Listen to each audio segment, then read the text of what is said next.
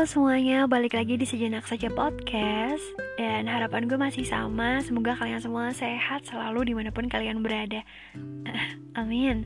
Oke, kali ini gue mau ngebahas tentang love languages atau bahasa cinta nih. Kalian pernah gak sih mikir kayak Kok gue sama dia tuh sering banget ya berantem padahal karena masalah sepele gitu? Atau kok gue susah banget sih ngertiin maunya dia gitu. Atau bisa juga lo ngerasa udah ngelakuin semuanya tapi nggak pernah cukup gitu buat dia.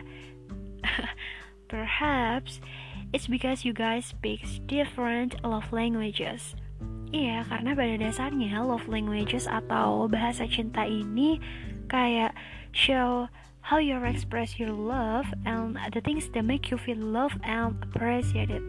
Ya, intinya sih is how you communicate your love kepada pasangan lo, orang tua atau mungkin orang-orang terdekat lo. Ya, karena setiap orang ternyata memiliki love languages masing-masing gitu. Itu makanya kadang kita tuh suka berantem ya kan karena itu dia tadi yang gue bilang. Nah, menurut Dr. Gary Chapman itu dia mengkategorikan love languages atau bahasa cinta itu dalam lima kategori yang kali ini mau gue jabarin mungkin kalian bisa simak ya.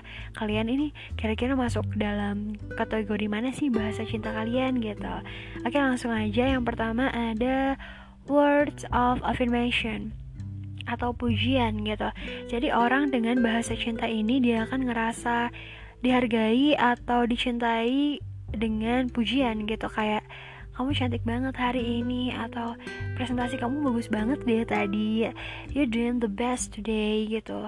Pokoknya hal-hal yang mengenai pujian verbal kayak gitu. Dan sebaliknya orang ini akan ngerasa baper banget gitu ketika dia dapat komentar negatif atau kritik-kritik yang menjatuhkan kayak gitu.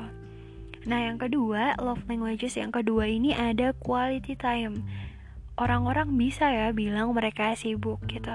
Tapi orang-orang dengan bahasa cinta quality time ini akan ngeluangin waktu dia untuk orang-orang yang menurutnya tuh prioritas gitu. Karena dengan memberikan waktu itu caranya mereka untuk mengekspres cintanya gitu. Contoh misal lo LDR nih sama pasangan lo LDR beda negara otomatis beda time zone kan. Tapi you guys wanna make it work gitu. Jadi kalian menjadwalkan timing yang pas untuk kalian video call di pagi dan malam kalian gitu. Nah itu kan merupakan quality time juga kan.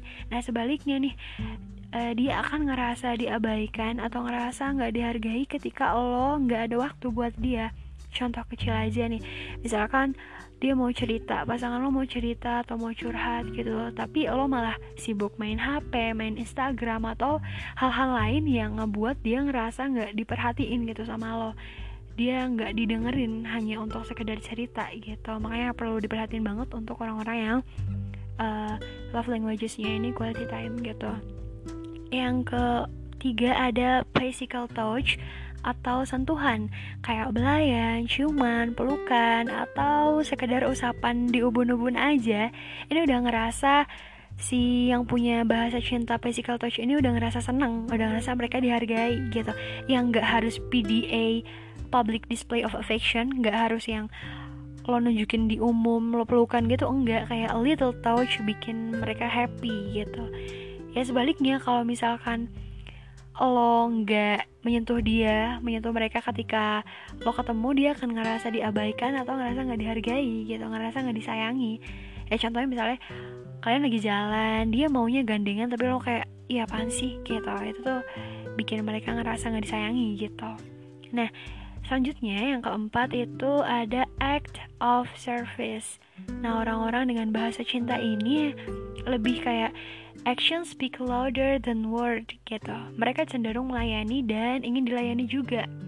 Contoh, lo tadi LDR terus uh, suatu hari lo mau ketemu dia, lo berkunjung ke negara dia dan dia jemput lo di airport gitu. Itu kan lebih apa ya? Lebih mengutamakan action daripada kata-kata gitu. Jadi orang dengan love languages ini itu berusaha ngebuat hidup lo tuh semudah mungkin gitu. Ya sebaliknya dia akan ngerasa nggak dihargai ketika lo tuh broken promises gitu. Lo udah janji tapi lo nggak bisa nepatin. Kayak lo udah janji buat jemput dia tapi karena mungkin apa gitu lo nggak bisa jemput dia padahal dia udah nunggu lama. Itu buat dia kayak ngerasa kecewa gitu ngerasa nggak dihargai. Kayak gitu. Nah yang kelima nih of languages yang kelima itu ada gift atau hadiah.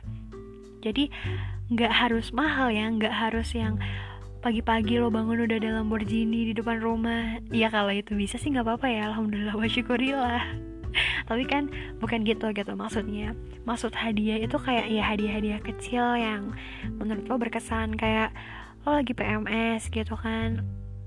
Terus dia tiba-tiba ngirimin coklat ngirimin bubble tea atau apa pun itu yang menurut lo berkesan banget gitu jadi bukan matre ya tapi mereka tuh akan ngerasa disayang ngerasa dihargai ketika lo tuh ngasih mereka hadiah-hadiah kecil. Ya sebaliknya mereka akan ngerasa nggak dihargai ketika misal lo lagi jalan gitu sama temen atau keluarga lo keluar kota terus lo pulang nggak bawa oleh-oleh gitu nggak bawa buah tangan buat dia tuh kayak ngerasa ih gue nggak dianggap deh gitu. Ya gitu ya. Tapi uh, kadang kan ada banyak banget ya dalam hubungan tuh love languages antar pasangan tuh beda-beda gitu. Jadi love languages gue misalnya word of, word of affirmation tapi gue ngasih ke pasangan gue tuh lebih ke act of service. Nah itu juga bisa. Tergantung tipe orangnya juga gitu.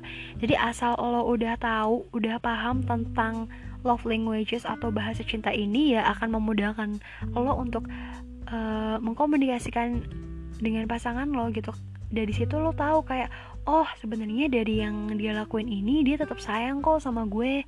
Even though it's not the way you want them to be dia tetap sayang gitu sama gue. Kayak contoh misalnya bahasa cintanya dia word of service eh word of affirmation aduh.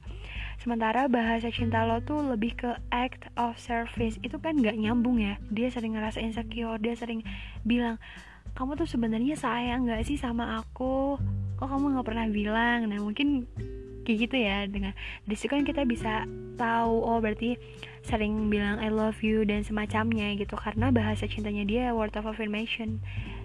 Dan kayak gitu pokoknya dengan cara ini kan kita bisa paham ya meminimalisir perdebatan-perdebatan yang sebenarnya sepele gitu tapi malah kadang menjadi besar. Dan yang paling penting uh, just because they don't love you the way you want them to doesn't mean they don't love with everything they have gitu. Mungkin cara mereka mengkomunikasinya aja yang beda gitu. Nah kalau gue sendiri ini uh, top 3 love languages gue ini yang pertama word of affirmation yang kedua quality time yang ketiga act of service. Nah kalau misalnya lo mau tahu bentuk uh, buah bentuk bahasa cinta lo mungkin lo bisa ngunjungin website fivelovelanguages.com di situ lo kayak tes gitu untuk tahu sebenarnya love languages lo apa sih. Nah kayaknya segitu aja kali ya podcast gue kali ini. Semoga bermanfaat dan terima kasih banyak untuk yang sudah menyempatkan ngadengerin podcast gue dan see you. Bye bye